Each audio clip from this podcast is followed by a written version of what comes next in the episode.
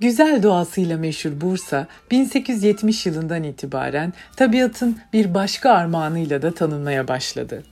Uludağ eteklerindeki Günderet köyünde keşfedilen maden suyu kaynağı, bu yıldan başlayarak 2000'li yıllara uzanan sağlıklı içecek ve ticaret öyküsüne dönüştü.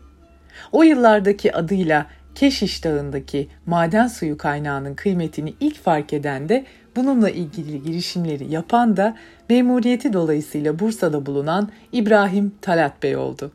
İbrahim Talat Bey hatırı sayılır bir sermaye gerektiren bu iş için bir ortağa ihtiyaç duyarak Bursa'da ticaretle uğraşan Fransız vatandaşı Monsieur Brun ile birlikte hareket etti. Önce maden suyunun mevkii tespit edildi.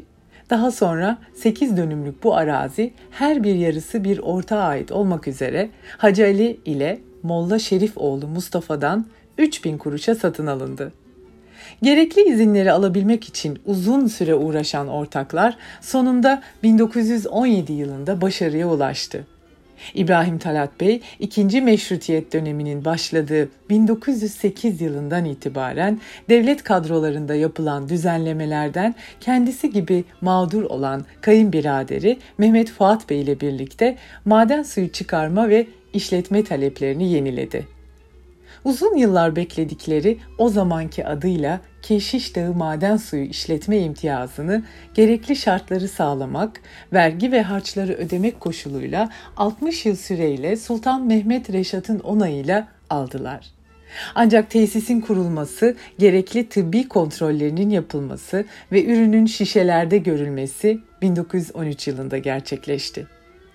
Doktor Bedros tarafından yapılan tetkiklerde suyun mineral özellikleri Avrupa'daki maden sularına faik surette nitelikli olduğundan şiddetle kullanımı tavsiye edilmişti. Keşiş Dağı maden suları kullanımı yaygınlaştıkça adeta ilaca dönüştü. Doktor Bedros'tan sonra birçok hekim bu maden suyunu hastalarına öneriyordu. Bunlar içinde Bursa Kureba Hastanesi baştabibliğince 10 Kasım 1914'te hazırlanmış bir raporda şifa bulacak hastalar şöyle sıralanmıştı. Hazımsızlık, mide, karaciğer, kum, nekroz gibi bir cümle bevliye hastalıklarla böbrek, mesane iltihaplarında, idrar yolu hastalıklarında şifalı tesiri kati ve müsellemdir. Binaenaleyh bir umum Avrupa maden sularından kat kat tercih edilir olan Keşiş Dağı maden suyunu umuma tavsiye etmeyi vecibe ad ederiz. Takip eden yıllarda önce imtiyaz süresi uzatıldı.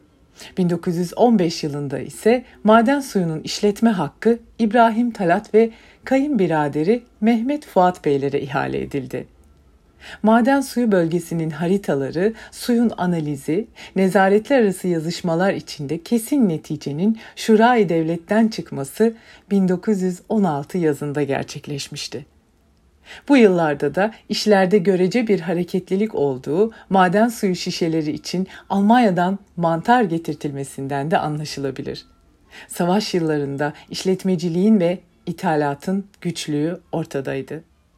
Fakat bu yıllarda Keşiş Dağı'nın üretimi sürdürebilen tek firma oluşu ve maden suyunun pek çok rahatsızlığa iyi gelmesi nedeniyle devletin yardım eli uzandı ve gerekli mantarlar başta dahiliye nezareti olmak üzere üç bakanlığın yardımıyla temin edildi.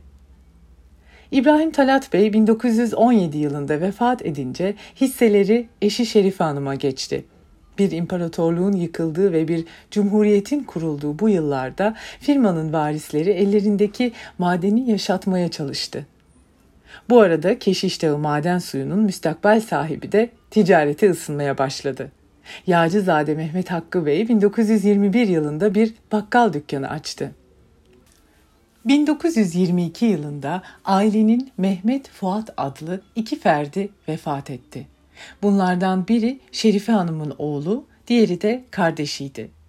Bu koşullar altında işletmenin tek varisi konumunda kalan Şerife Hanım'ın imdadına kız kardeşi Neyre Hanım'ın eşi Hüseyin Sıtkı Bey koştu.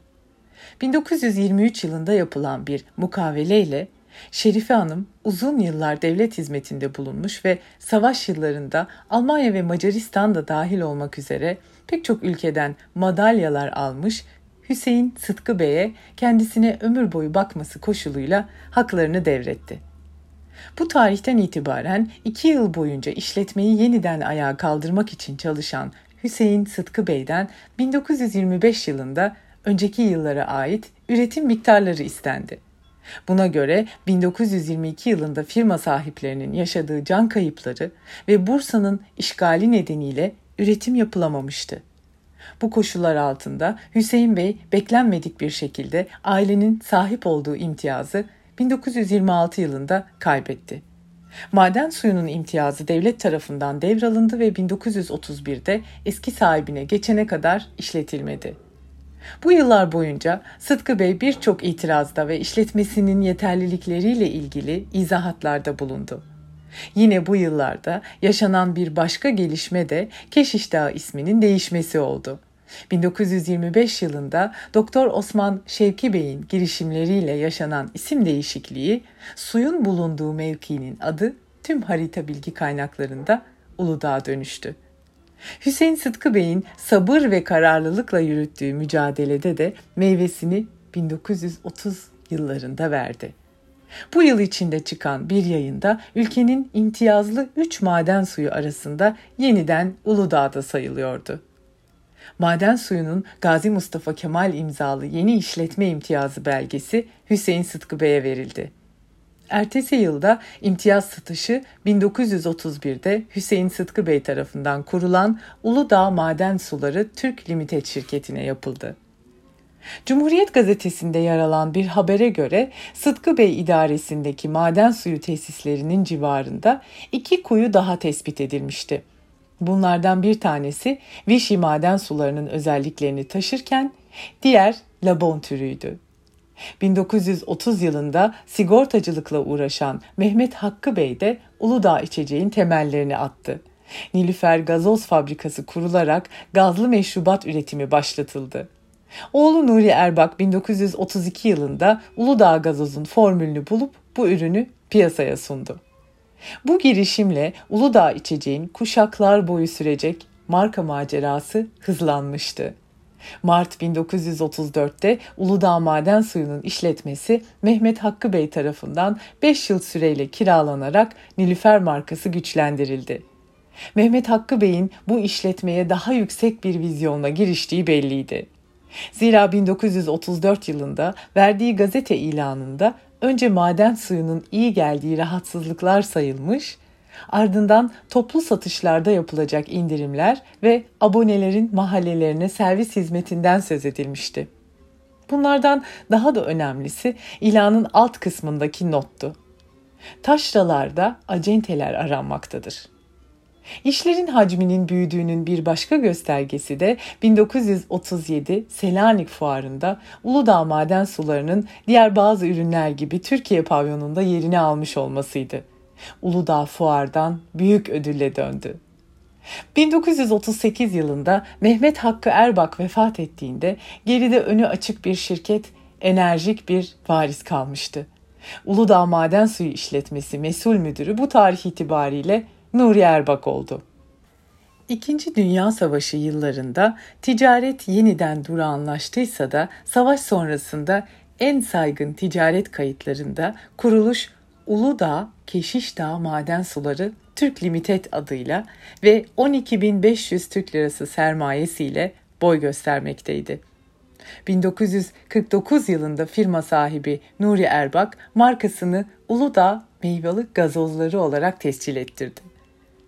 Elbette kısa bir süre sonra benzer logo ve isimlerle ortaya çıkanlar da olacaktı ne yazık ki.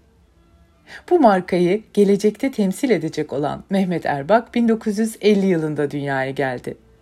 Nuri Erbak da hem cemiyet hem siyaset dünyasının gözde isimlerinden biri olarak iş yoğunluğu nedeniyle mesul müdürlük görevini kardeşi yüksek mimar İhsan Erbağ devretti.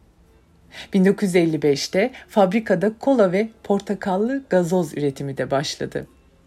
Bu yıllarda şirketin mülkiyeti konusunda önemli değişmeler yaşandı. 22 Ekim 1953 yılında Uludağ Maden Suları Türk Limited şirketinin ortaklarından İtalyan uyruklu Guido Parodi hisselerini Nuri Erbak'ın eşi Neriman Erbak'a devretti. Böylece şirketin 6 bin liralık ortaklık hisseleri Neriman Erbak'a, kalan kısmı ise Hüseyin Sıtkı Bey'e ait oldu. Fakat Hüseyin Sıtkı Bey 6 Ocak 1958 yılında vefat edince vasiyetnamesi gereği bütün hakları Nuri Zafer Erbağ'a devredilmişti. Aile bundan sonra üst düzey yöneticilerini hem akademik bir eğitimle donatma hem de kurum içinde çekirdekten ve aile içinden yetiştirme geleneğini sürdürdü. Bu çerçevede Mehmet Erbak henüz 15-16 yaşından itibaren şirketle meşgul olmaya başladı. 70'li yıllarda aldığı idari görevlerin ardından da Nuri Erban vefatından sonra 1993 yılında yönetim kurulunun başına geçti.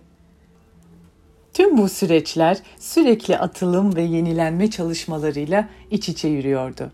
Maden sularında ilk yeşil şişe kullanımından saatte önce 4000 sonra 8000 şişe üreten dolum tesislerine kadar sektörde büyük yenilikler Uludağ'dan geldi genişleyen bayi ağı, vergi listelerinde sürekli üst sıralarda bulunmak ve Kuveyt, Birleşik Arap Emirlikleri gibi ülkelerden Amerika, Avustralya'ya uzanan pazarlama ve satış zinciri de bu gelişimin en doğal sonucu oldu. Marka kuruluşundan bu yana devam eden büyüme doğrultusunda ilk alüminyum kapağı ve ilk depozitolu litrelik şişeyi 1978 yılında, Dünyadaki ilk pet şişede yüksek mineralli doğal gazlı maden suyu üretimini 1981'de, ilk diyet meşrubatı 1985'te, Türkiye'deki ilk kutulu ambalajı 1988'de, ev yapımı tadında ilk endüstriyel limonatayı 2007'de ve ilk kobalt mavi şişe üretimini 2009'da hayata geçirdi. Uludağ içecek bugün Bursa Yenice Sanayi Bölgesi'nde açık ve kapalı olmak üzere toplam 80 bin metrekare, Uludağ Çaybaşı Köyü'nde ise toplam 50 bin metrekare alana yayılan ve dünyanın en yüksek teknolojileriyle kurulmuş iki tesise sahiptir. Uludağ markasının bugün uzun soluklu ve sürdürülebilir temeller üzerine geliştirdiği projeleri eğitim, spor, kültür, sanat gibi farklı alanlarda da devam etmektedir. Bugün aileden olan Ömer Kızıl'ın yönetimini devam ettirdiği Uludağ İçecek markası, ticari geleneği ile birlikte aile işletmesi olma özelliğini de sürdürmektedir. 100 yılı aşkın süredir kurulduğu şehir ile birlikte daima değerlerini koruyan ve aynı zamanda yenilikleriyle bilinen bir marka olan Uludağ İçecek, köklerini geleceğe taşımaya devam ediyor.